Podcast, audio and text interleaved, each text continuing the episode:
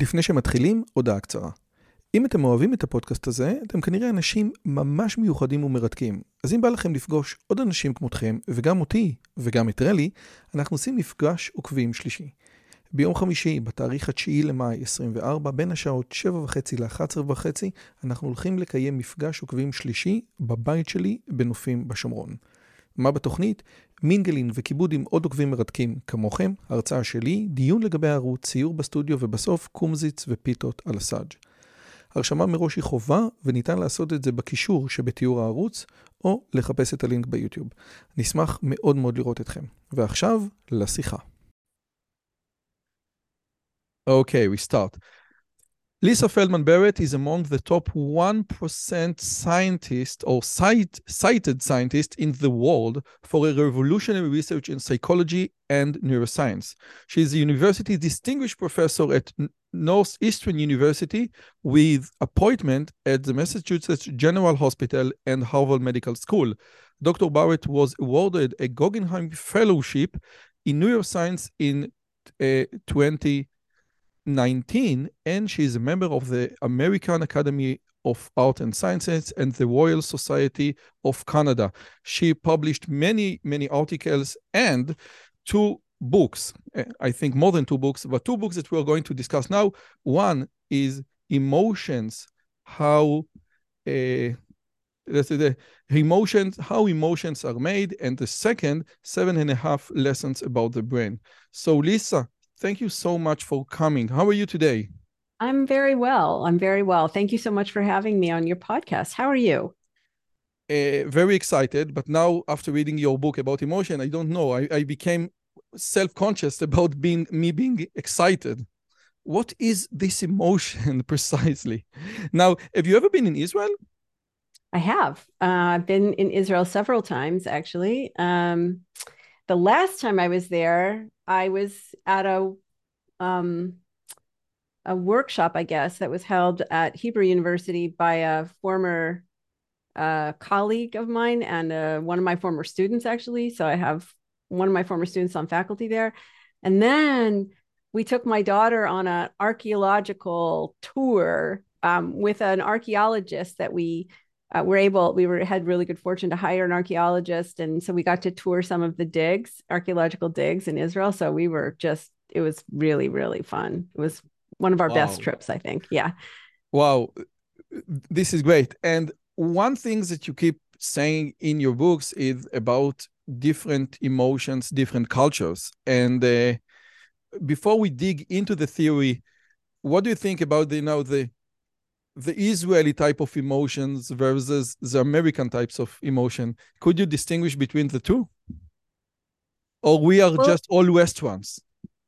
If I was using um, stereotypes, what I would say is that, you know, because I'm Canadian, but anybody who talks to me think will think I'm from New York. Actually, I would probably be seen as kind of a mild Israeli, you know, because I have – I'm a little bit kind of in your face, but maybe not as much. Um, so I feel like I feel you know if the stereotypes right are I mean my uh, uh, one of my former postdocs Shir Atzil who's on faculty at uh, University um, of Jerusalem um, Hebrew University in Jerusalem two of us would like get into these really intense debates and mm. sometimes other people would get like really worried and i'm like no we're just we're totally in love we're loving each other. We're like this is what we're we're totally engaged with each other. This is uh so um i would say that um there are some cultures that have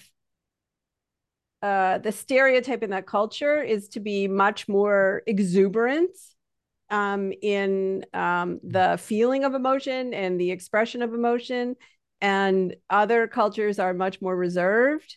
Um, the assumption is that that there's less expression and maybe even less intensity in the feeling. But I think the more interesting places where we see real cultural differences are not so much in the intensity dial. You know, it's really where the categories, the actual um, the actual emotions that people experience are very very different and Um, there are some emotions that exist in some cultures that don't exist in English, don't exist in Hebrew, um, and and vice versa. So that's to us where things get really, really interesting. Um, it's not that you have an emotion, it's this physical thing, and then you label it or identify it. Your brain is involved in taking the signals from your body, the changes in heart rate and blood pressure and and so on and also the changes in the world and creating an emotion out of it. That's really how we understand it. This is mind blowing now let's start. Let's start. Okay. This is so fascinating. Okay. The first uh, uh, the first time i came across your name was with uh, with lex fridman not on the podcast but on his lesson. And what you said there was mesmerizing. You said, we in the AI community, and I consider myself being part of the AI community, we want to do AI systems that do emotion recognition. But we don't do that. We do facial recognition. We do facial expression, okay? This is smiling. It's like a very stupid smiley diagram. And what you said is one emotion can be divided into many different facial expression, like fear or joy. And one facial expression can be divided into many emotions. So in fact, when we want to do, okay, what do you feel right now? What what are you feeling? And I look at your face, I barely can know anything. Could you please elaborate on this? Oh, point? I never said that we can't know anything. No, no, okay, okay. I, okay. I, I didn't this actually. Is my, oh, okay, no, no, no. Yeah. So you can't be one hundred percent sure. Yeah, I'm gonna um, I'm gonna modify what you said with some language, but I will say that this is one of the most empirically. I feel so solidly. The empirical evidence behind what I'm about to say is so solid. I I, I mean, I spent two and a half years reviewing more than a thousand published articles with four other senior scientists, some of whom believed in the universality of emotional expression, believe that when you're smiling, you're happy, and when you're happy, you're smiling. When you're angry, you're scowling, and when you're scowling, you're angry, and that everybody around the world does this and can recognize these facial movements as expressions. So some of us came to this came to the table not uh, ha- not having that hypothesis. Other people did. And in the end, two and a half years later, the five of us, each of us very, very senior people in our own fields, came to great consensus over the evidence. And one of them was uh, uh, an engineer who does um, computer vision, and another was a computer scientist who builds, you know, agents. So just so we're clear, here's the evidence when you make first of all I, you can't refer to facial movements as facial expressions because sometimes movements happen and they're not expressions of anything. So you really have to make a distinction between what you see and the meaning of what you see. So a facial movement like a smile is a movement. In fact we could describe the movement in terms of facial muscles but let's just you know, use a description like a smile, a scowl, a frown. Those are movements. You're inferring what the movement means. You're not detecting emotion, you're inferring it. And that's what everybody does all the time. And we do it pretty well, I think, actually, because we're not just using the facial movement itself, we're using an entire context of signals nobody except in very odd psychology experiments ever looks at a disembodied face and tries to try out what that face is expressing okay? So um, here's what the evidence shows. About 35% of the time when people are angry they scowl. That's more than chance. So it means that scowling is one expression of anger but just a second, means, and this is culture dependent or culture independent? I'm not even at culture yet. This is just in this is just in um, mostly Western urban settings. Okay, so let's not even get to culture. We'll get there in a minute. But people like us, okay, 35% of the time, if someone's scowling at you and you guess that they're anger, angry, or you feel like you're detecting anger, you have some possibility of being right. But 65% of the time, people scowl when they're not, I mean, sorry, 65% of the time, people, when they're angry, are doing something else that's very meaningful with their face. I mean, just think about the last time you got angry. Did you scowl? Did, has anybody ever won an Academy Award in the United States for depicting anger as a scowl? I mean, no, no, never. And that's because people do many things with their face when they're angry. But even more importantly, evidence shows that about half of the scowls that people make have nothing to do with anger. People scowl when they're concentrating really hard this is something my husband does actually. It's still disconcerting to me. I study emotion and I see him scowling and I say, Are you angry? And he's like, Are you angry? Are you? What did you do with my wife? Like, you know, and I, you know, when I finally discovered this, I said to my students, Can you believe that this man that I'm dating scowls when you they're angry when when they're they're like we you know dr barrett we or actually then i was dr feldman. You we hate to tell you but you know you do the same thing and it scared the bejesus out of us you know? So when i'm concentrating really hard on what they're saying i'm like scowling at them. And okay people scowl when they you tell them a bad joke. People scowl uh, when they have gas. People scowl all all sorts of reasons. So that means that the the reliability of scowling in anger is low and the specificity of scowling in anger is low. You pick any emotion category and any stereotypic western stereotypic expression that has been claimed as the universal expression and that's what you find. Now when you start to look at cultural differences things get even more variable. Just a second just a second. Before the cultural differences nevertheless what you said is 100% uh, science. Nevertheless i feel in my daily life that i can detect pretty good emotions okay? With with my spouse maybe not my spouse but you know with my friends etc and can it be due to the theory of mirror neuron uh, that well yes and no yes and no. So let me just say that first of all um, i feel like i i'm pretty good at reading people's emotions too but um, but all of us no matter how good you are nobody's reading everybody's guessing motor neurons guess. Actually, if you want to call them motor neurons, we'll get to that in a second. Yes. But the neurons that are involved are guessing. It's an inference. It's not a read. You're not detecting anything. You're guessing based on past experience. And what you're what you're guessing on is not one signal. It's not one signal from the face.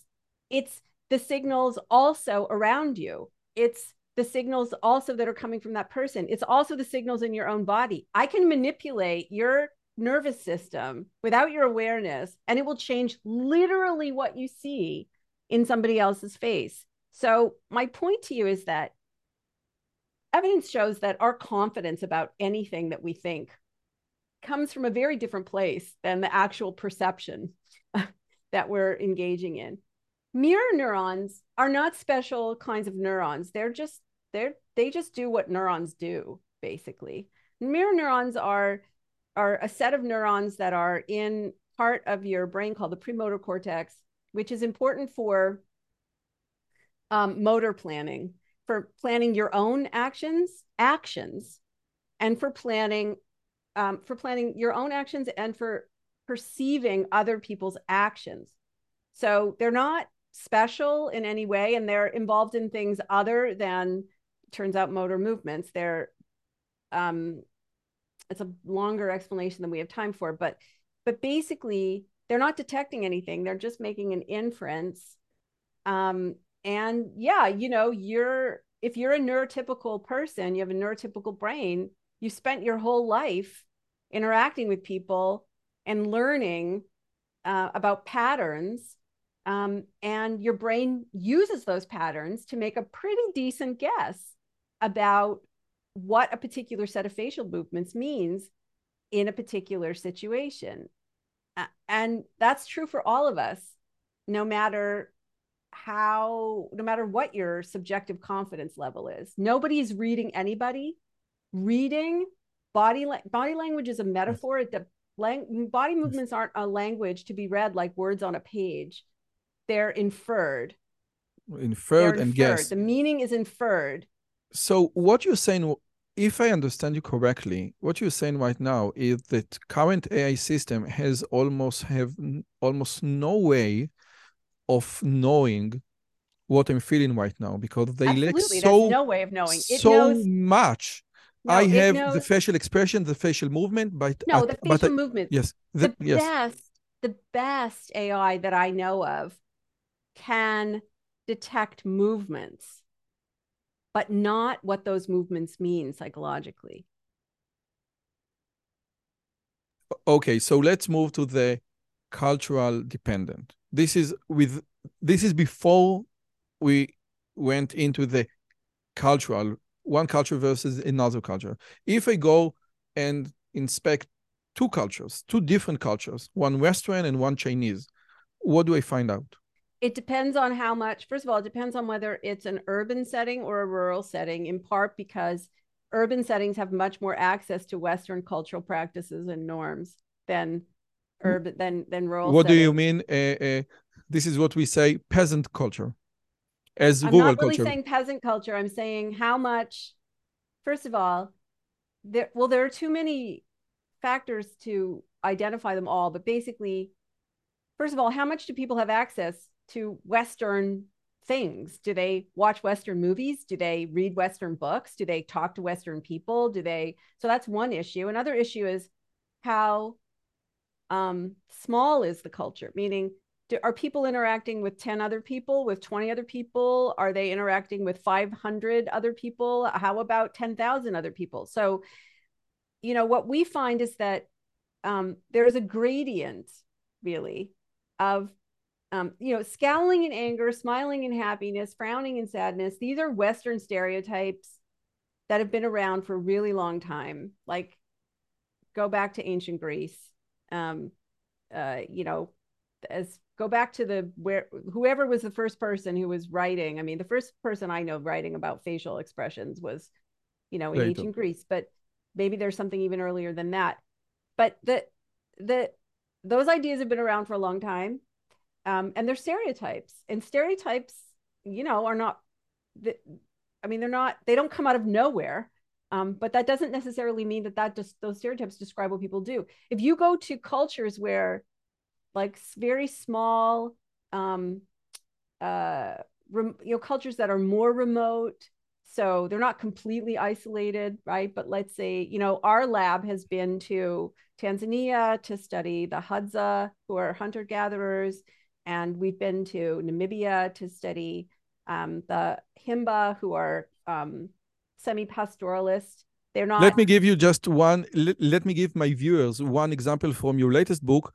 When people from the island of Bali in Indonesia are afraid, they fall asleep, or at least that's what they are supposed to do. And this is a very different strategy to do when you're afraid than the Western st- strategy. And this is one example that depicts the massive difference yeah. between different cultures. Well, you know, in you know what we think of as a stereotypic fear face, like wide eyes, gasping mouth. That's actually a that's actually a um a face that expresses threat. That you are threatening someone, not that you're afraid of someone, but that you're threatening someone in Melanesia. So, you know, the point being that if you go to cultures that are very different from ours, particularly cultures that are um, more, uh, they're not completely remote from Western influence, but they're they're more isolated from Western influence. Maybe not isolated; is not even the right word anymore because nobody's isolated. But you know that they they have less um, interaction um, with Westerners. You see vastly, vastly different um, emotional uh, economies. Let's say people ex- the the categories they use are different. The expressions are different. Um, the feelings are com- are combined in different ways. It's very very different. I had Richard Nisbett on on the show, and one Mhm. of his books that I love so much is The Geography of Thought. And what he Mhm. says basically that when uh, philosophers in the 17th, 16th, 18th century said all human beings are, mainly they said all Westerns are. Yeah. And yeah. he said, no, the thought, even the rational, is very different from in China and the US. But what you're saying right now is also the emotions. So well, yeah, we... and and yes, and and you know, here's a really good example. You know, in in standard Western um scripts, you know, uh, you feel you are either feeling pleasant or you're unple- you're feeling unpleasant. Like you're, you know, anger is unpleasant and happiness is pleasant. You know, sadness is unpleasant, fear is unpleasant, and you know, compassion is pleasant. Well, first of all, even in people in the United States, there are flavors of anger that are very pleasant. There are um, flavors of happiness that are also unpleasant like and actually there's a very common um, cultural difference in the um, relationship between pleasant and unpleasant features. So in the united states you're either one or the other and the idea is that if you're ambivalent let's say or you um, have something like nostalgia what you're doing is you're kind of flipping back and forth between pleasant and unpleasant states but in certain other cultures, actually, um, Israel is supposed to be one of these uh, cultures. Um, and actually, if you look, if you, well, I'll just say it and then I'll tell you what my thoughts are. Um, also, Chinese culture, certain Chinese cultures, pleasant and unpleasant are not opposite states. They're actually features of the same state. So it's, um, and this is called dialecticism. This is there's a huge research literature on dialecticism and the differences in um, American experiences, which are either one or the other, um, and um, and other cultures where there's more of a blend. And the blend is it's not like you're flipping back and forth between two mm. states. It's that you're really these are features of of the same state. Um, oh. And if you look at some Jewish customs, you can see that they are designed in a sense always to infuse features of one affective like one affective feeling into episodes that would come from another. So in moments of happiness like a wedding you're also remembering unpleasant things like you step on a glass and that you know that's supposed to remind you of the destruction of a temple or something um, similar. In um, when you're sitting shiva someone's passed away you're also supposed to remember positive things about that you're pleasant things about that person. And and as opposed to having these really polarized views of positive negative. So that's also uh, a hmm. dimension of of variation. Um, there are lots of dimensions of variation in anger for example in a, in an american version of anger i mean there the stereotype because there are lots of versions of anger even in the United States, but in an American version, anger is distancing. When you're angry at someone, you are you're putting distance psychologically distance between you and that other person. Also, you're putting yourself on top, like in a subordinate. You are in a in a hierarchically dominant position, and they're subordinate to you. That's that's the maneuver with anger, but stereotypically.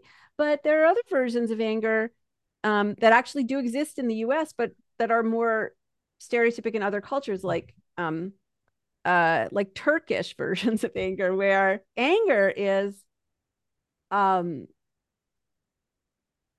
uh, brings people closer together. So you um, in anger, anger is a is an indication of it's time to approach. It's an indication of caring for each other. It's an indication of um, it's kind of like you know when my my uh, friend and former uh, postdoc Shir and I were really arguing with each other. You know, things were getting pretty heated, but we weren't.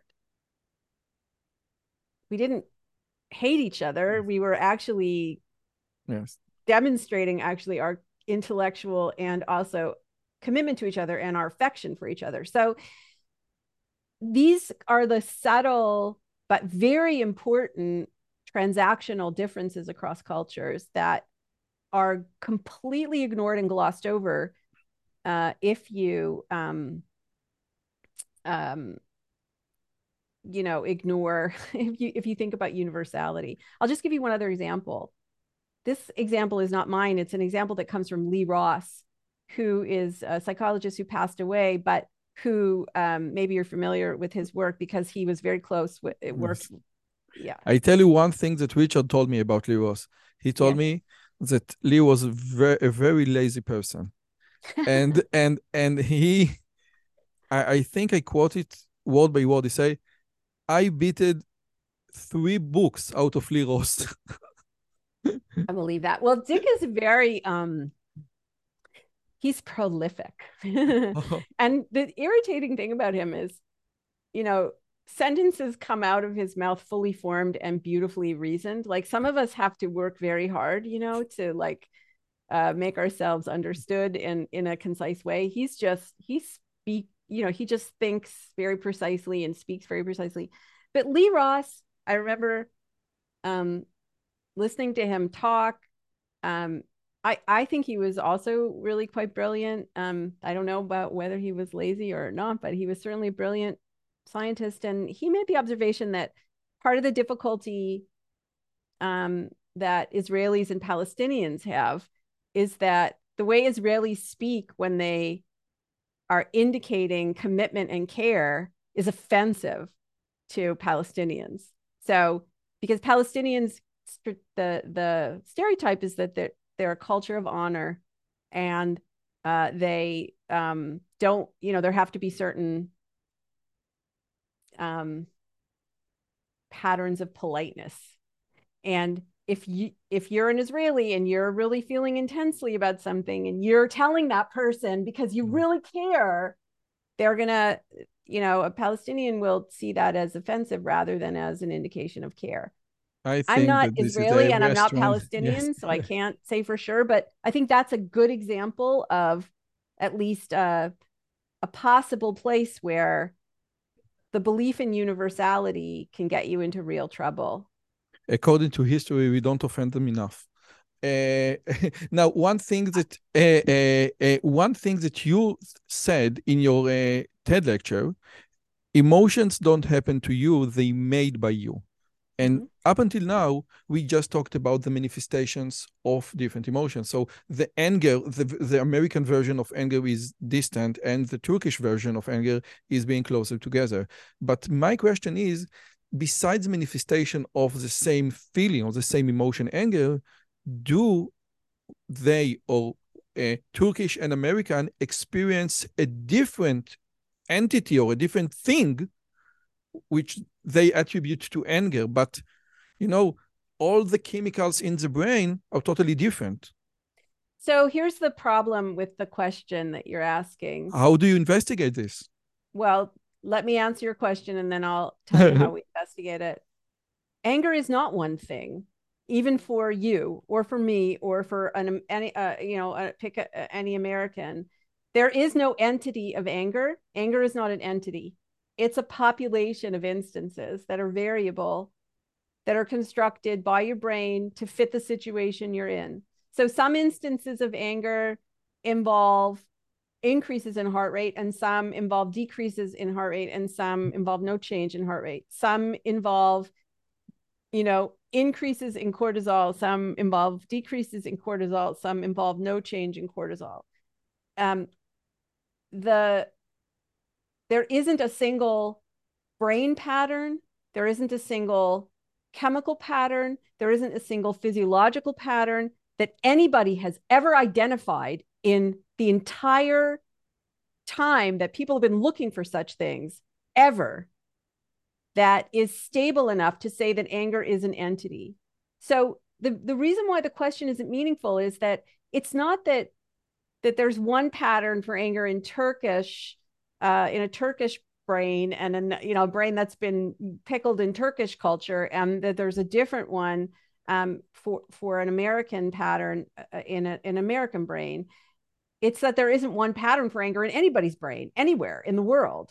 There are your brain is capable of your brain's most important job is regulating your body and trying to figure out how the stuff going on around you is relevant to you to the change to what does your what does your brain have to do to keep you alive and well? What does it have to do inside your body so that you can move so that you can deal with the world? That's really what's happening all the time. And you have a repertoire of things that you can do and a repertoire of making sense of those things. And your way of making sense of those things are also in your brain. They're signals in your brain. So I guess my point is that you're, you know, just in the same way that Darwin said that um, a biological category like a species is not, there's no like perfect uh, example of a dog, right? There's no perfect example. Only in dog shows do we have a perfect example of a cocker spaniel or a perfect, right? There's no perfect example of a of a dog. There's no perfect example of a human. There's no ideal or platonic version of any animal of any animal of any species. There's just variation. And the same is true for all biological categories, including emotion categories. And we know this because we study what happens in people's brains and we study what happens in animals' brains. Like if you put an animal like a rat in a threatening situation where you fa- it faces a predator, what does it do? Well, it does many things depending on the situation it's in. It might attack, it might freeze, it might run away, it might continue with business as usual, but just kind of be vigilant and paying attention. So it does many different things. And physiologists have known really since the 1960s that what your body does depends on what your brain's preparation for action is. So basically, your physiology goes with your physical action and if the physical actions are different in in a in different episodes of emotion then the physiology is going to be different. The brain patterns will be different and so on and so forth. And so we and other labs have spent a long time trying to understand these patterns because that's really the scientific question. It's not what is the brain pattern for anger. It's what are what is the population or what is the vocabulary um, of options for for you roy and for me. And are they the same or do they have any overlap? I mean you're a man i'm a woman. You live in one country i live in another country. But there are some similarities because we're both speaking english right now.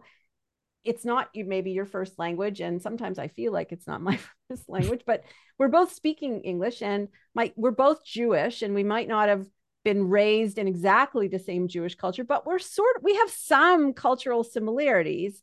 Um, but there are also cultural differences. So you can start to ask questions like, well, you know, the vocabulary, your vocabulary for creating a- a- anger, how much, on what features, dimensions would it be similar to mine? And can we try to understand what's driving those similarities? Those are the kinds of questions that are scientifically viable, not questions like what's the brain pattern? Hmm. where does anger live in the hmm. brain? What's the physical pattern for anger and or is what is the meaning the true meaning of anger? Because there is no true meaning yes, of anger. okay. And frankly there is no true meaning hmm. of anger for you or for me. You have a stereotype but the true meaning of anger is your that's like saying what is the true what is the best what is the perfect version of a cocker spaniel and the answer is there isn't one. Yes. that's not how biology works. But when i read a jewish moral text about you know virtue about how to be how to better yourself and i said and they say something like the anger is a very bad virtue is a very bad uh, emotion okay? And you need to steer away from anger. I guess that they that there is like a idea like an an idea of what anger is that we all can relate. This is not a private language like Wittgenstein said. We have like, if I say anger and you understand English, you get my point. You, or I presume that you get my point. Okay. So sure, I get your point. And I will say that um that look maybe it's a range I, I'm going to say something super provocative now. Okay. Stereotypes um, are not don't completely come out of the blue. Okay. So 35% of the time people scowl in anger. So we could guess that maybe some proportion of the time, which is not zero, anger is destructive. I'm not saying scowling is destructive. I'm just I'm just using mm. it as an analogy. So maybe anger is destructive some proportion of the time and maybe that proportion of the time is not zero. And so if you're talking to a large group of people and you're trying to make a rule for everybody even though people are individuals mm.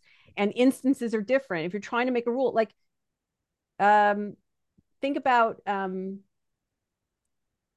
you know you're trying to keep people from doing something which is sometimes bad for them but not always but maybe more than half the time. Mm. then you make a rule and you follow that rule.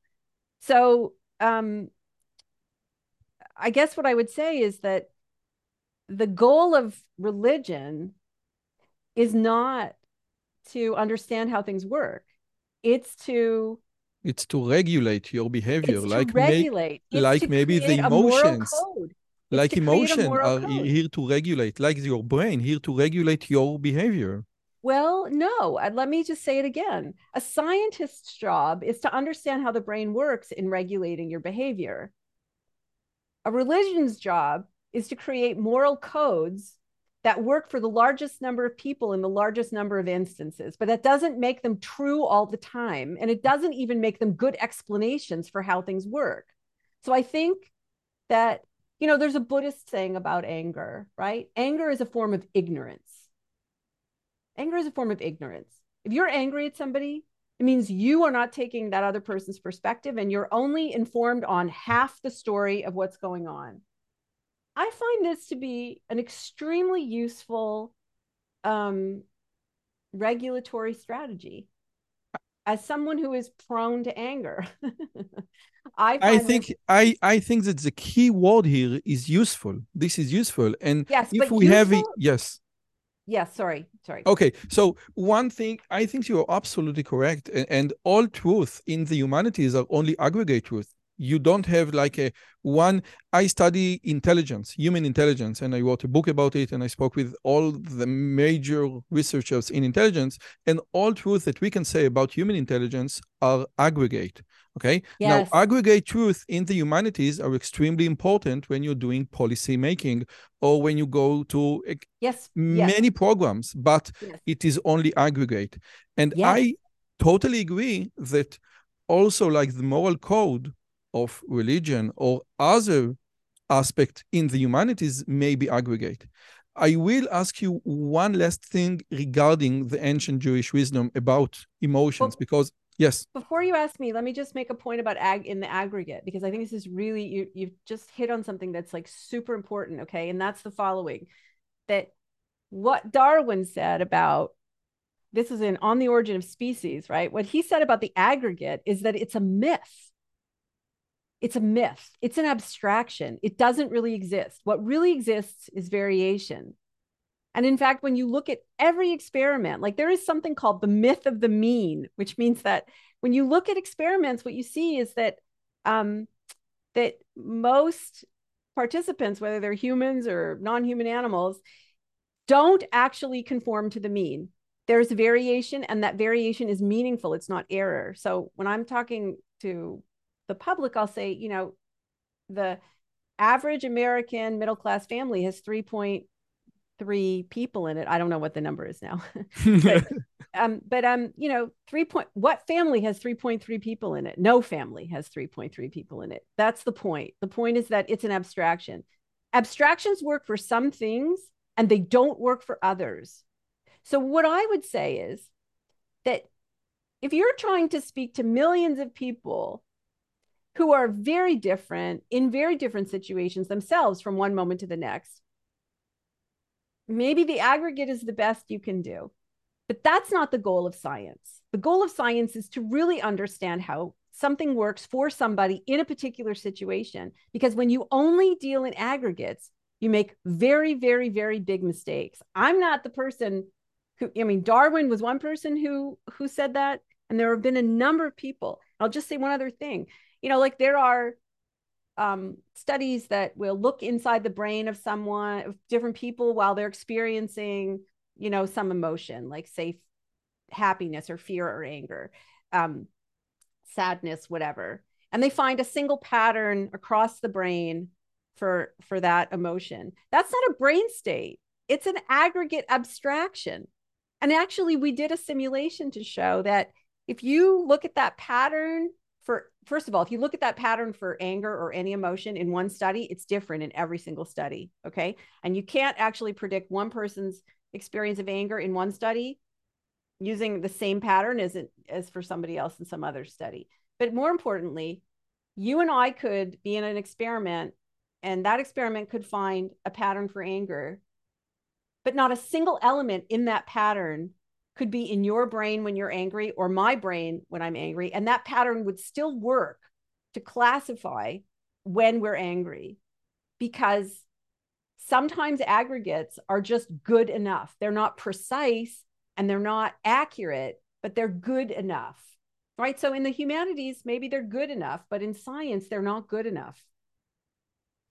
And, and in real life, they're probably not good enough either because you said, you know, you don't you don't maybe uh, you can't infer maybe very well your wife's emotions but you know we're human brains are pattern learners and um my husband is so good at making guesses about how what i'm experiencing even sometimes before i become aware uh, of what i'm experiencing.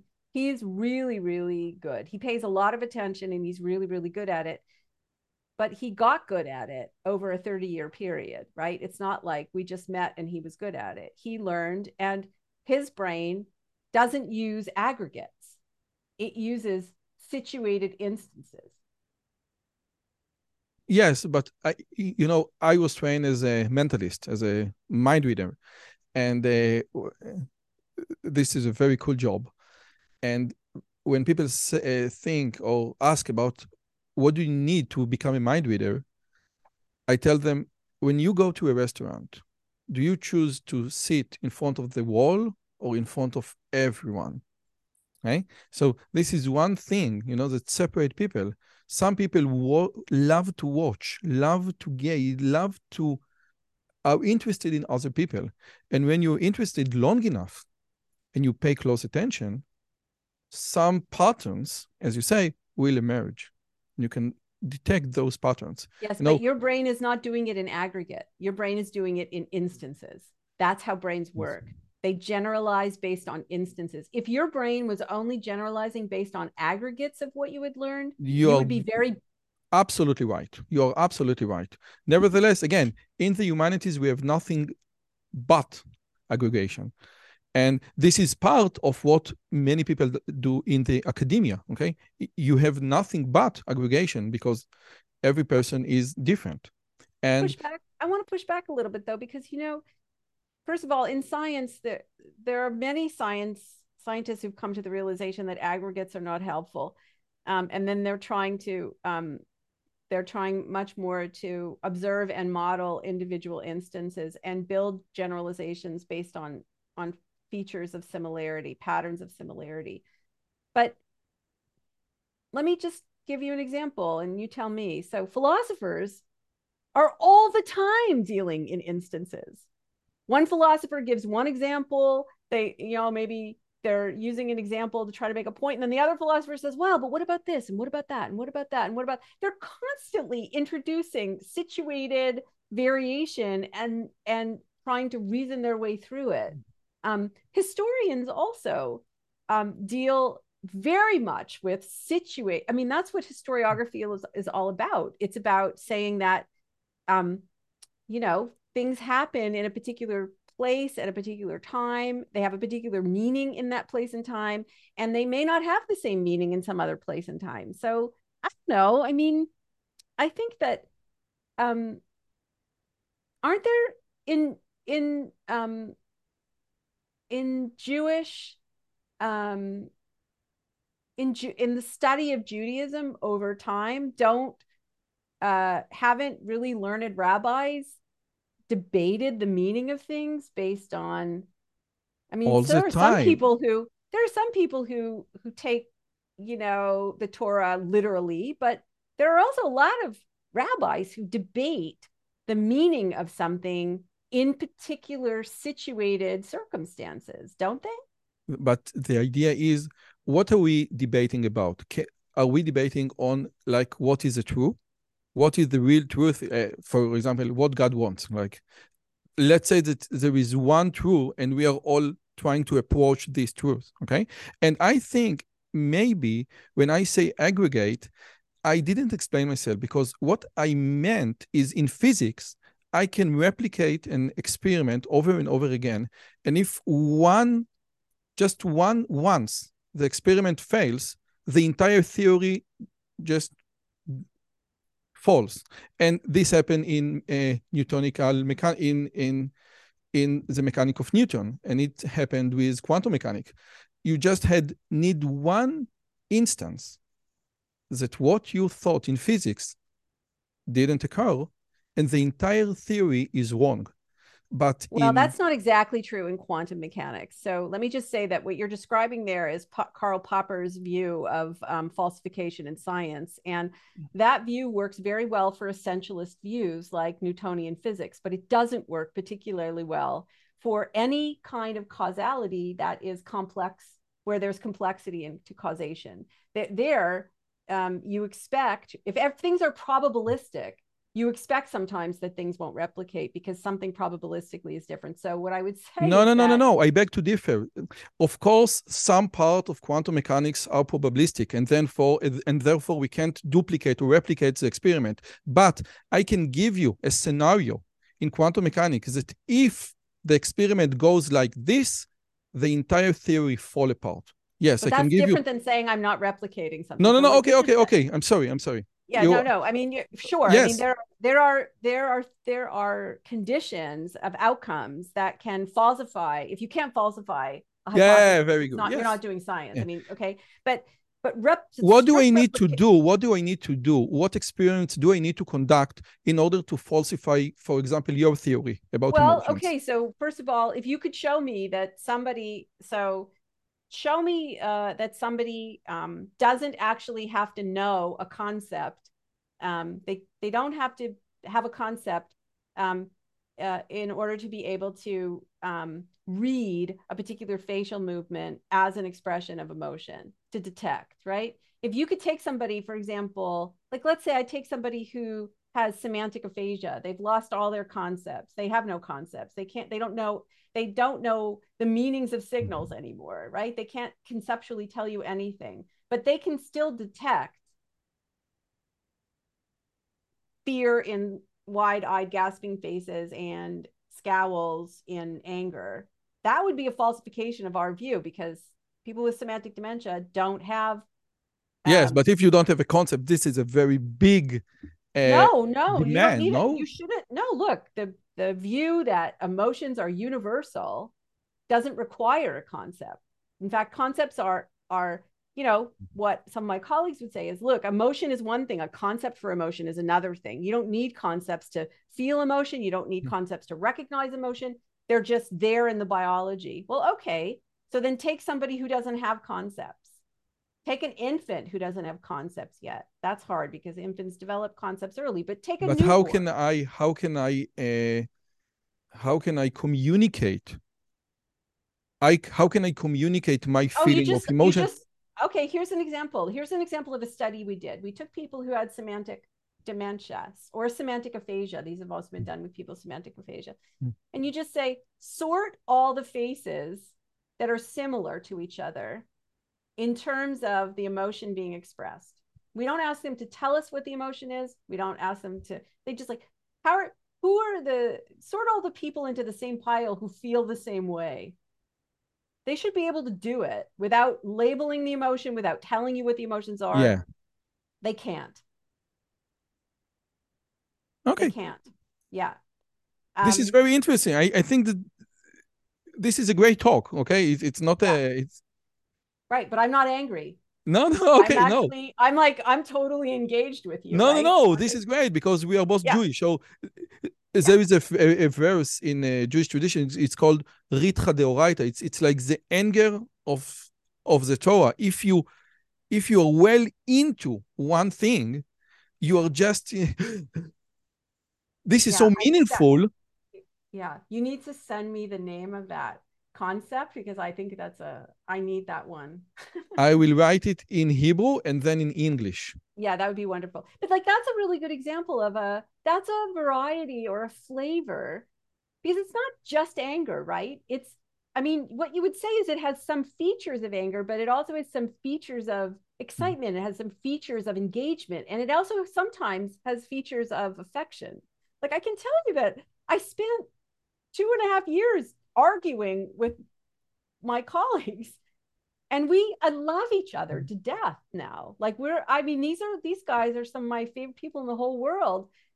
Not that I wasn't infuriated in our debates sometimes. You know, but... in Tel Aviv University, there is a very, very smart ritual.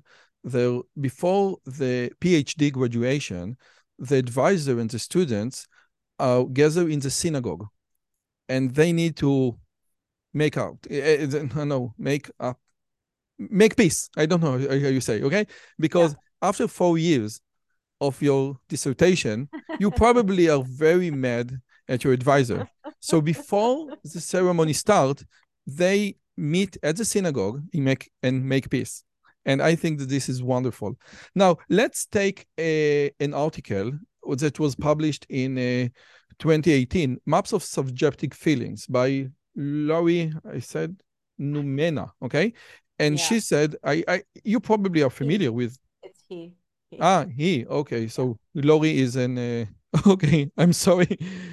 anyway, and the idea is very, very nice. I, I ask people to pinpoint yeah. the yeah. the place in the body where they're feeling special emotions. And what the article says, and the earlier version in 2013, that this yeah. is culture independent. Yeah, I yeah. Well, let me tell you something. What do you think about this? I actually ran studies like this using exactly this method with uh, a former postdoc of mine. Her name okay. is um, Susanna Oosterwijk. Maybe a decade ago. And we decided not to publish them. And the reason why is because we thought, well, we're just asking people their subjective beliefs. I mean, when you actually measure, if you measure physiological signals in the body and you ask people to, to um, report on their subjective experience of those sensations, they don't match. The objective measures don't match the subjective ones you may feel that you are very in touch with what's going on inside your body, but you're not. And in fact, the wiring in your nervous system is designed in such a way that all you have is a vague sense of where a sense a sensory change is happening. You don't actually have precision. So we thought, well, nobody would believe. People will just look at this and say, oh, well, these are just people's beliefs about um, uh, where um, emotions are felt. And no one will think that that's interesting. So we're not going to publish it. And then what happens? Almost a decade later, in one of the best journals, in one of the best journals, they fail to make a distinction between what people say they feel and what actually where the sensations are actually taking place. Like they treat a person's report of where they feel emotion in the body as literally where emotion exists in the body. That's hugely problematic. And also i would say they're taking an aggregate an aggregate of one culture and an aggregate of another culture and an aggregate of another culture. And they're looking at the similarity across aggregates when in fact there's tremendous variation within each culture. So, what I would say, and not even that, if I tested you, Roy, every time you felt anger, where do you feel it? Where do you feel it in your body? Where do you feel in your body? In, in lots of different situations, you would not say the same place. So, I guess my point is that what that shows, which is interesting, is that general aggregate beliefs about emotion, stereotypes about emotion, are very similar across some cultures. But it Maybe says absolutely nothing, not a thing, nothing about where sensations are occurring and how stable they are in any individual in any culture. Nothing. Maybe that shows how much we seek for the universe, the universality of emotions. Yes. yes. And then you can start asking questions like, why? Hmm. Yeah, exactly. Amen. Why? Amen. Why? Why do people seek it? So that becomes that that's like a really interesting question, right? Like, why do people feel the need to But why is it important to find like it's so important that people are ignoring basic rules of science right? I mean i sometimes i sort of got to the point where i thought i'm i'm a clinician by training right? So before i became a neuroscientist before i became a physiologist before i became a cognitive scientist clinical psychology. i was a clinician and one of the things we do in clinical science right and is that we we ask questions of our of our of our clients. We say well you know you believe this but here's the evidence. Like here's the evidence right? This is this is what this is what happened but you believe this. So you know like what's going on here? And i kind of feel the same thing i about this field. I'm like what is happening that evidence has been around for more than a century of tremendous variability, despite the fact that people are looking for the sameness. There's just tremendous variation that that's structured and reliable if you if you try to measure it it's predictable it's reliable within a person like but why would people continue to search for these biological sameness. Like, yeah. But it's and, like metacognition. It's it, it is our it's it's our emotions regarding emotions. And let's say that I'm an author, I want to to describe a scenario and I want all human beings to resonate with my scenario, with my feelings the you know the tendency of you know being part of the entire uh, I don't human being only, community. I think that's only part of it because you know why? Everybody loves variation. We love variation in food. We love variation in clothes. We love variation in books and movies. We love variation in everything except each other. for each other, for other humans, we want everything to be the same. We really like sameness. And so I think that's part of it. I don't think that's the whole story, but I, I definitely think that's part of it. But I guess what I would say is I don't feel like um I don't feel like I have to convince anybody of anything. I think the data speak for themselves. And my job is to just show you the data and make sure that you pay attention to it that you don't just say, well, you know, I'm just going to not pay attention to this because I don't like how you did your study, or, you know, like, okay, you don't like how I did study A, but then there's study B, C, D, E, and F that show the same thing that we're using different methods. So, you know, my job is to just bring that to light and show you and say, and to show my colleagues, you know, and say, here's the evidence. And then people will do what they do. Now, in your latest book and uh, seven and a half lessons about the brain which is a small but immensely packed book very very interesting. One of the lessons i think lesson number three is that your brain is doing predictions all the time. And i just want to quote one for uh, uh, two sentences from uh, this chapter. Instead think of the last time you were thirsty and drank a glass of water Within seconds after draining the last drop, you probably felt less thirsty. This event might seem ordinary, but water actually takes about 20 minutes to reach your bloodstream. Water can't possibly quench your thirst in a few seconds. So, what relieved your thirst? Prediction. This is great. Your brain, our brain, makes predictions all the time. And based on that prediction, we live. And basically, memory is that I take something from the past in the context of the present of, of, of the present and manipulate or postulate about the future. We just we don't remember anything as a SD card. Could you please elaborate on this point? Because I think this is one of the seven and a half lessons that just strikes me. Well, there's a number. Uh, so as you can tell, probably I'm a pretty skeptical person, and um, that's probably why I'm a scientist. You know, I think that you are falling away from the microphone. Ah, sorry. I'm, okay. I'm getting too relaxed. I'm getting too relaxed talking to you. That's the point. You. I'm having too much fun, and I'm. You started like, here. You started yeah. here, and now you are. Okay. Yeah. Well, no, no. I'm I'm kind of leaning on my chair and relaxing. So take okay, take the microphone with you, Lisa. Yeah, I'm worried that I'm going to hit my computer or something, and then like, you know, lose you're, the connection again. You're but great. um, yeah. Okay. So evidence from lots of different scientific fields that don't talk to each other all show evidence that the brain is not reacting to things in the world, it's predicting.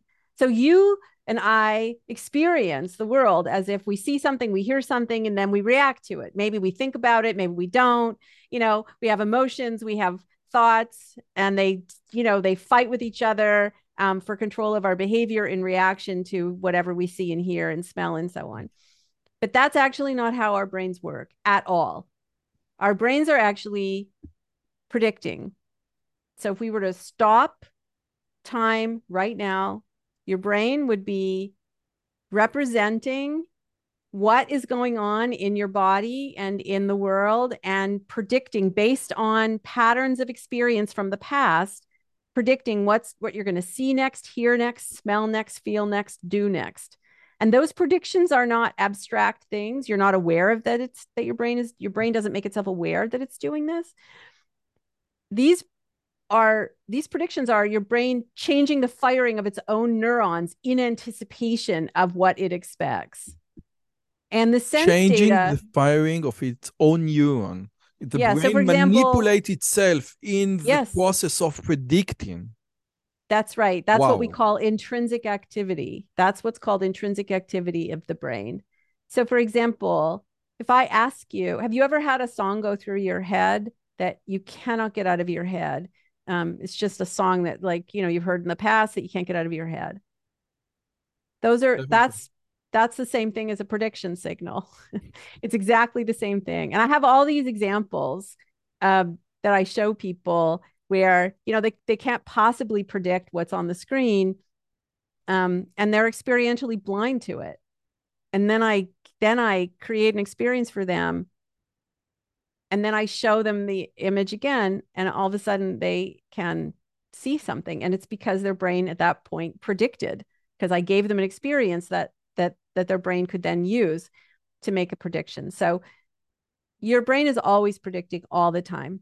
And um, what we say when we what we call memory, what we call perception, what we call perceptual inference, even what I call concepts or categories, those are all words for the same process, basically. Your brain is constantly using the past to predict the immediate future.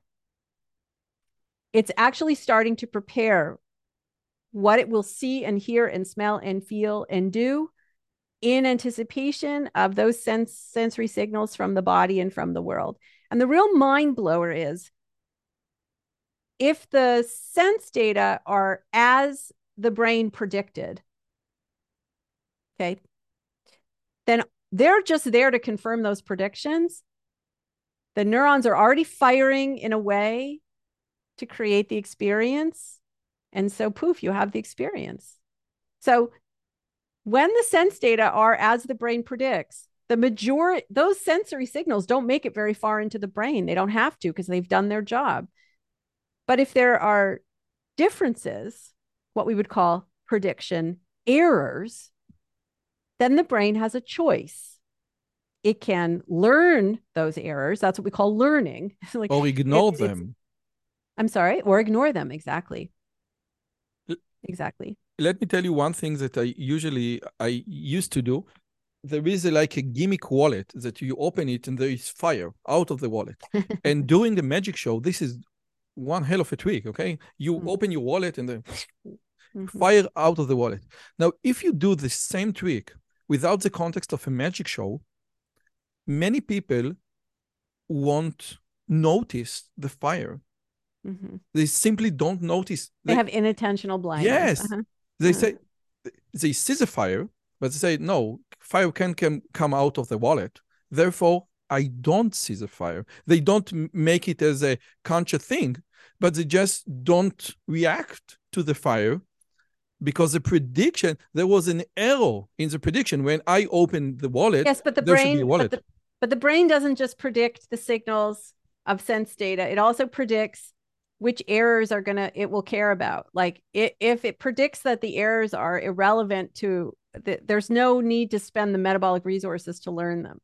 So it um, that's what we call salience. Salience is the prediction that things matter to your well-being to the physical well-being of your body. There has to be metabolic value meaning that eh, why would you spend resources to learn something if it's not going to be useful to you in the future. You wouldn't. It would be silly. It'd be squandering resources.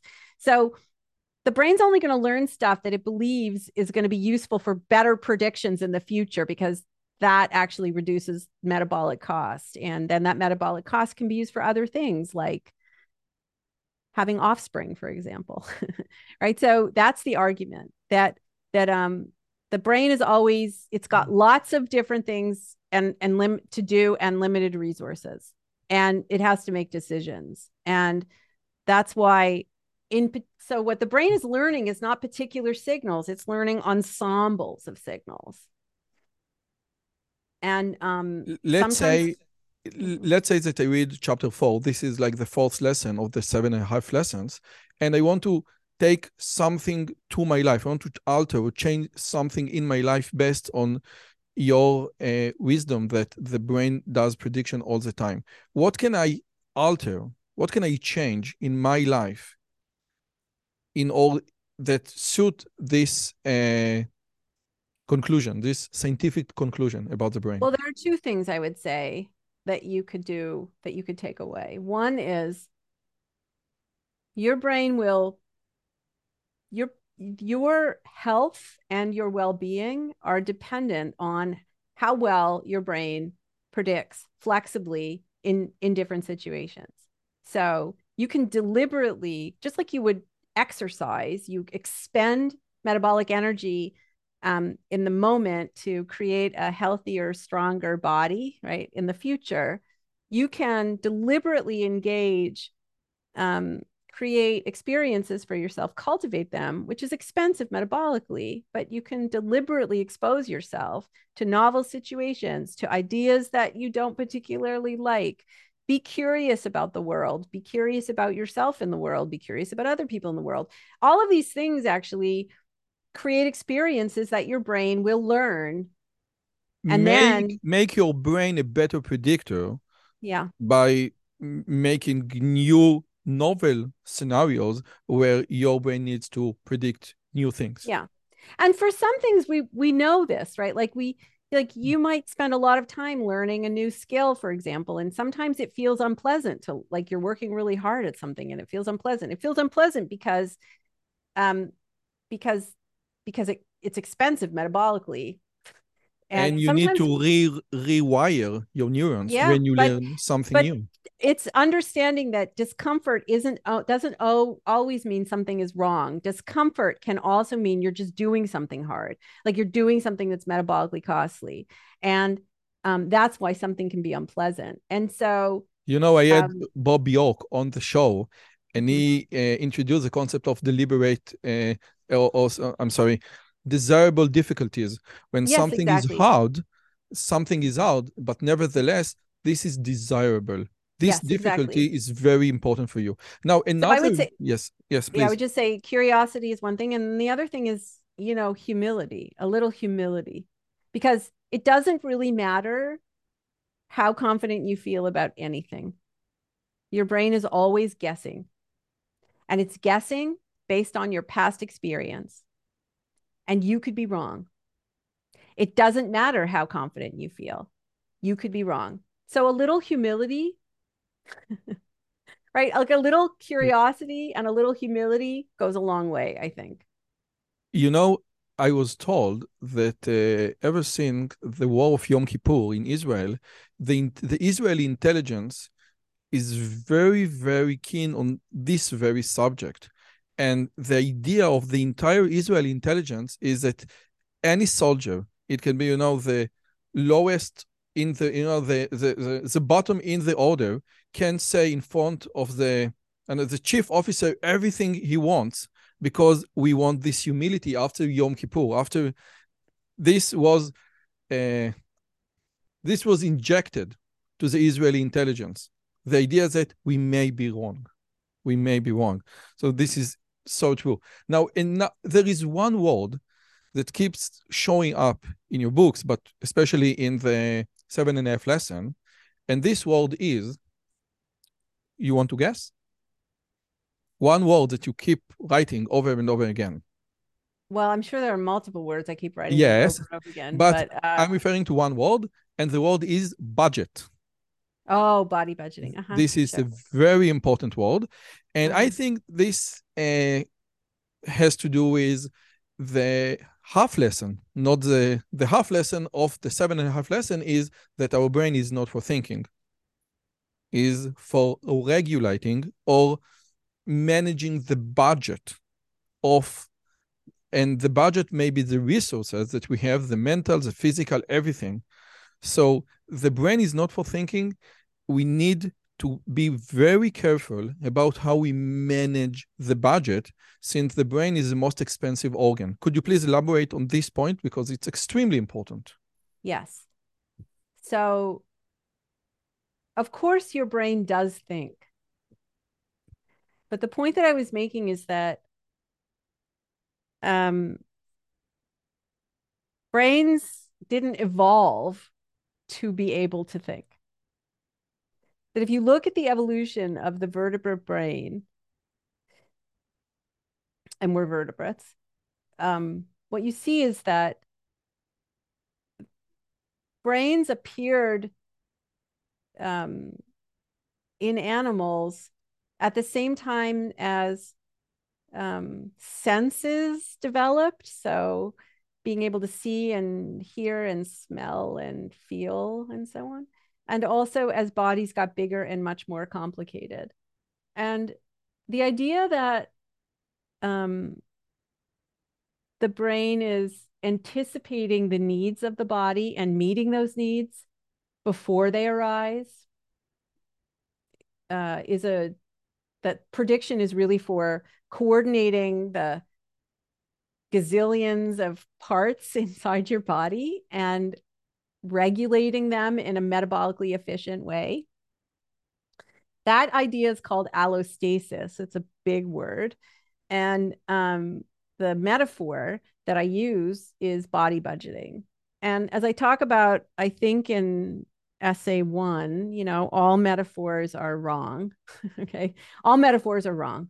But in science, sometimes you need metaphors to explain complicated ideas. And so you pick the one that you think is the least wrong for uh, your purposes. And so I think body budgeting is a pretty good metaphor for my purposes, which is your brain isn't budgeting money, it's budgeting resources like glucose and oxygen and salt and water and so on that are required by your cells it, to keep your to, for your cells to stay alive and your brain you have you have trillions of cells in your body that all have to work together in an efficient way um, and so you can think about your brain as a body budgeting device in a sense um, and um, it's making decisions about what to spend, when to spend, when to save. And many of the things that we worry about in everyday life depression, anxiety, physical illnesses like diabetes, heart disease these are all problems of body budgeting. They're all problems of allostasis. They're problems of energy, metabolism regulation. Could you please right? explain and, this Latin word? What does it mean? This allostasis is... means finding balance in change, I think. Okay. But it basically the goal isn't to spend nothing. The goal is to spend efficiently. Because of course you have to spend. You have to spend when you move your body, you have to spend. When you learn something new, you're spending. So if you you have to stay alive. To stay alive, you have to spend. But what you want to do is spend in an efficient way.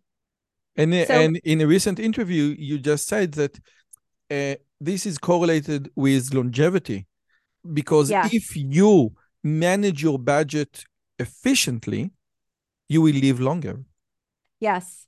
And in fact, metabolic problems like heart disease, diabetes, whatever, they are, they're all, they have something in common with depression and anxiety, which people usually think of as mental illnesses, but really depression is like a bankrupt body budget basically. It's like you you just what do you do when your um when your financial budget is bankrupt you're or running a deficit you you stop spending and what does it mean to stop spending in a brain? Well, it means that you stop moving your body and you stop learning. You you become stuck in um, you're you're kind of stuck in your own head and you don't respond to what's around you in the world as well. And those are two very very salient symptoms of depression, for example.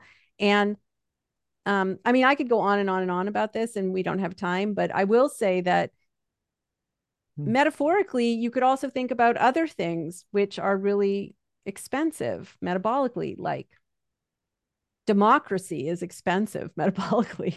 You're constantly hmm. engaging with people who you disagree with in, in in order to well at least in principle in order to find a compromise and there's a lot of discomfort there because there's a lot of body budgeting implications right and and you could also you know think about authoritarianism as a complete failure of um, budgeting. like somebody who's, you know, really compromised metabolically, not may not have the spoons to engage with lots of ideas, and you know might be instead you know looking for simple single solutions to things and they don't have to think very much and they can be told by someone what to do like an authority figure and so on it's hard to know roy how far to stretch these metaphors and I'm certainly not claiming that any of these things are true, that metabolics has something to do with politics or what have you. But I think it's an interesting avenue for exploration, is what I would say. Wow. Now we don't have much more time. Therefore, and uh, unfortunately, we can't go into that. We don't have a lizard brain. this is a great. This this is a great chapter and i wanted to ask you about the book the master and his emissary about you know the right left brain uh, uh, functionality but i won't go into this. I just want to mention one quote that i loved so much from your book about the nature nurture uh, debate. We have the kind of nature that requires nurture and this is great because this is basically what we're doing right now. You have a baby, and this baby is equipped with so more neurons than an adult. And in the process of pruning, and this is what we do in artificial intelligence or artificial intelligent networks, we just cut. And those, uh, this procedure of cutting neurons is nurture. This is what you say. Basically, yes? Yes. And so, and I, I wanted to ask you just about this very uh, question about nature versus nurture. I had a discussion on this channel with a very famous uh, Israeli child neurologist, and I asked him, "What is a barrier? What is a borderline between telling a child just behave, you know, just sit on on the chair and listen to the teacher and listen to the teacher and be polite, okay? Work on your virtues and say, okay, you must take medications. What is the borderline that you can say from here, this is just no neurological defect? And he said there is no one clear borderline. This is a range. What you take on how much do can we work on our virtue, on our uh, bad tendency? I don't know how you call it in English. And when you say no, this is all part of the wiring system that our brain has. Well, I would say that expecting young children to sit uh, for three or four hours at a time doing things that they um, don't find all that interesting isn't a virtue. And the fact that we consider it a virtue and medicate children so that they can do it is hugely problematic. But but that's not what we're talking about here. Okay. So I just I, I, will just say that there are other ways to educate children. You know, Montessori had a you know Maria Montessori a very different way. I'm not saying that that's what should be done, but I'm saying there isn't only one way to educate a child. And in fact, Temple Grandin had a fantastic uh, op-ed in the New York Times this morning about this issue. So when we give children medication, we're giving them medication because we want them to conform to a set of behaviors that we think are the behaviors they should be conforming to. But there are other ways to teach children that don't I'm require totally that. agree. I totally agree. Yeah. Antidepressant among adults, okay? Just don't be sad because your life Well, is incredible and don't be take is not- Well, okay? don't be yeah, don't be sad is doesn't work. Like thinking differently to feel differently is doesn't work. And the reason why it doesn't work is that um uh you know the the way our brains work is it prepares action first and experience second. so, you know, what you have to do, it's probably the feeling that's driving the thinking and not the other way around.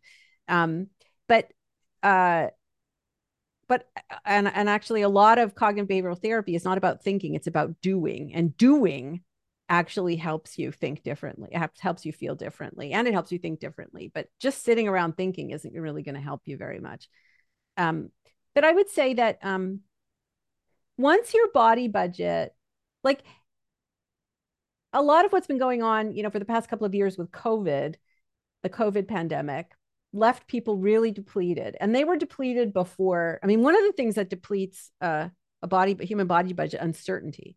Uncertainty is very bad for uh, like prolonged uncertainty very bad for a human body budget like really bad. And it will deplete you.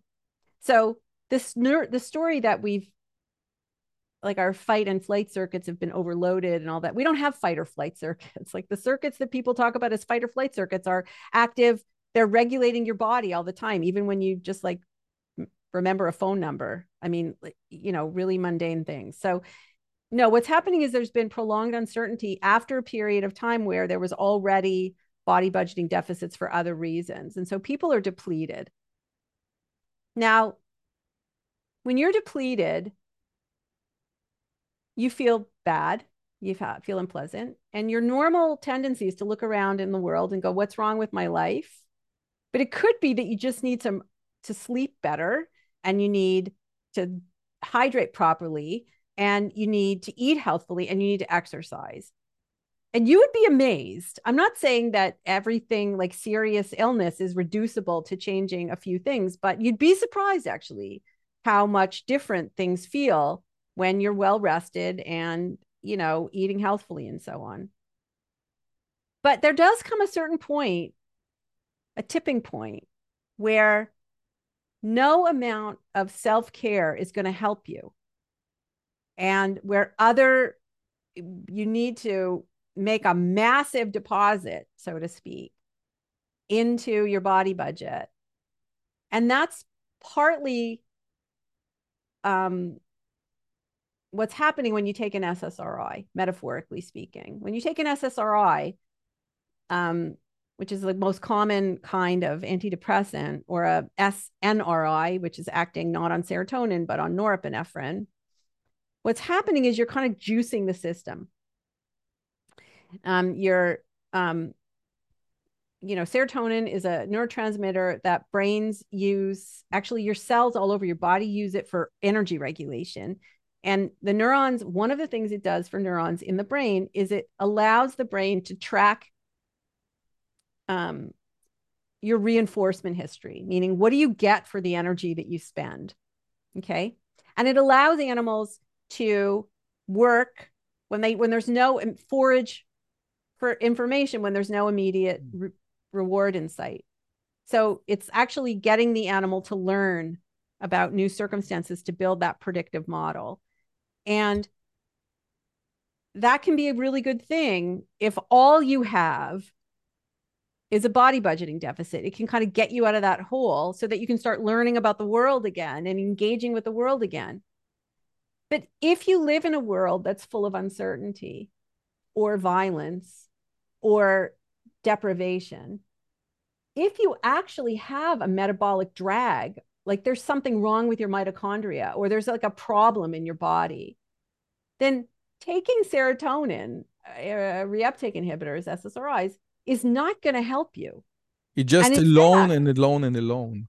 It's alone and alone and alone. And you know what happens when you keep taking loans and you can't pay them back? You get you you go further and further into debt. Wow, and this met this metaphor of body budgeting and what you say about the SSRI is eye-opening. I, I don't know how you to say it, but this is so smart. So the body budgeting metaphor is a useful metaphor. Um, you know, it has some things, as I said, it has some things wrong with it. It's not perfect, but it's it's a useful metaphor for remembering that we live our lives, Roy.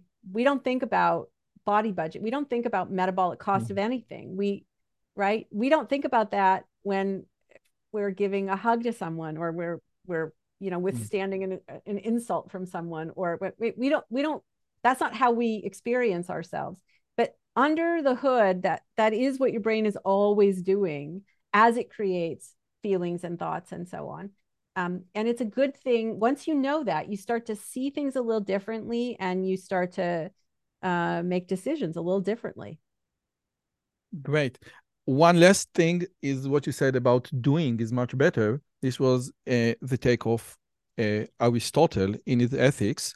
Uh, in contrary to Plato, Socrates, who said, if you know the right thing, you will do the right thing. And Maimonides and the entire uh, Jewish wisdom yes. took this yes. approach where yes. after what you do, your emotion will follow. Your emotions will follow. And doing is much more important than feeling or thinking. And and there is another verse, I don't know how to translate it, where the the difference between the tzaddik and rasha, the bad guy and the good guy, is in which position your heart is. Is your heart controls you or you control your heart?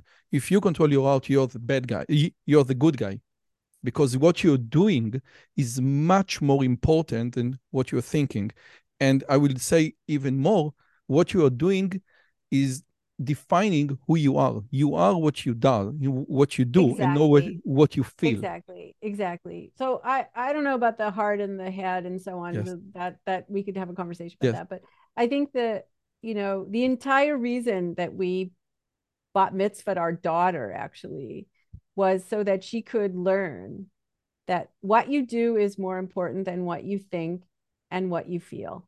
I mean, it's good, it's great to think the to think, you know, righteous thoughts and it's good to feel, you know, to have the right feelings that will, but the point is that actually do who you are is is constituted by what you do, by what you do. There's a saying that sometimes like I've counter on the internet sometimes especially when I'm like, um, you know, um, responding to um, someone who's emailed me, or and or when I'm exercising or something, I'll sometimes see it where they they say something like, "I am, I can, I will, I do," and I think, no, no, no, no, no. You know, that's essentialist. No, it's really, I can. Um, I do, I can, I am. No, it's I no, it's I can, I will, I do, I am. You are what you do. And I do think that this is a fundamentally Jewish way of thinking that is not uh, that is somewhat different from um, other the postmodern world that we are in right yes. now. Yes, and I also think that it has very strong implications. I don't have to tell you. Yes, definitely. Um, about very you know, strong implications relationships, for fam- about family, about Yeah. how you parenting your children. yes. What you it- do is much more important than what you than what you think. And it also means that you have an extra modicum of responsibility that you don't have in some other meaning systems. And I think that's also something that is true of our way of, like, uh, you know, our scientific framework. In our scientific framework, you're responsible for what you do. And sometimes you're responsible for things not because you you're culpable, not because you caused something bad, but because you're the only one who can you're the only one who can change your predictions. You're the only one who can do it. It's hard. Um, you don't see the results right away. It's never easy to do, but you can do it, and you're the only one who can do it. And so that there's an there's there's a freedom that comes with that responsibility, but there is responsibility there that isn't there if you believe that you know your emotions are your inner beasts that are programmed into your brain at birth and that cognition is you know has to battle these inner your inner beast in order for you to behave properly Definitely. Definitely. Lisa, thank you so much for your time. This was an eye-opening, mind-blowing, inspiring conversation. I love the, I called it in Israeli fight. I, I, I love to lariv, but it was very, very enjoyable. Thank you so much for your time. it was my great pleasure this was so much fun thank you so much Wow. Bye bye. And I will email you the final results. Okay wonderful thank ביי you ביי. Take- אם הגעתם עד לכאן, מגיע לכם כל הכבוד. אז תנו לי להגיד לכם שלושה דברים קצרים. הדבר הראשון, אם שמעתם משהו בשיחה שמעניין אתכם, שאתם רוצים לקחת הלאה, פשוט ספרו אותו לאנשים אחרים. משהו מעניין שאני אמרתי, משהו מעניין שהאורח שלי אמר, איזשהו רעיון שאתם רוצים לקחת איתכם לחיים, פשוט ספרו אותו לחבר או לחברה. זאת הדרך הטובה ביותר לזכור את הרעיונות מתוך השיחות האלה. הדבר השני, אם אתם רוצים לקחת חלק בקהילה שלנו ולפגוש ולדבר עם אנשים כמוכם, אתם מוזמנים לערוץ הטלגרם שלנו, שווה לכם מאוד. פשוט תראו עוד אנשים שמתעניינים מדברים מגניבים בדיוק כמוכם. והדבר האחרון, אם אתם יכולים, דרגו את הערוץ שלנו באפליקציית הפודקאסטים שלכם, זה יכול להיות בספוטיפיי, באפל פודקאסט או בגוגל פודקאסט, זה תהליך קצר של שתי שניות, הוא מאוד מאוד יעזור לנו להפיץ את הבשורה הלאה. שיהיה לכם כיף גדול וכיף בשיחה הבאה.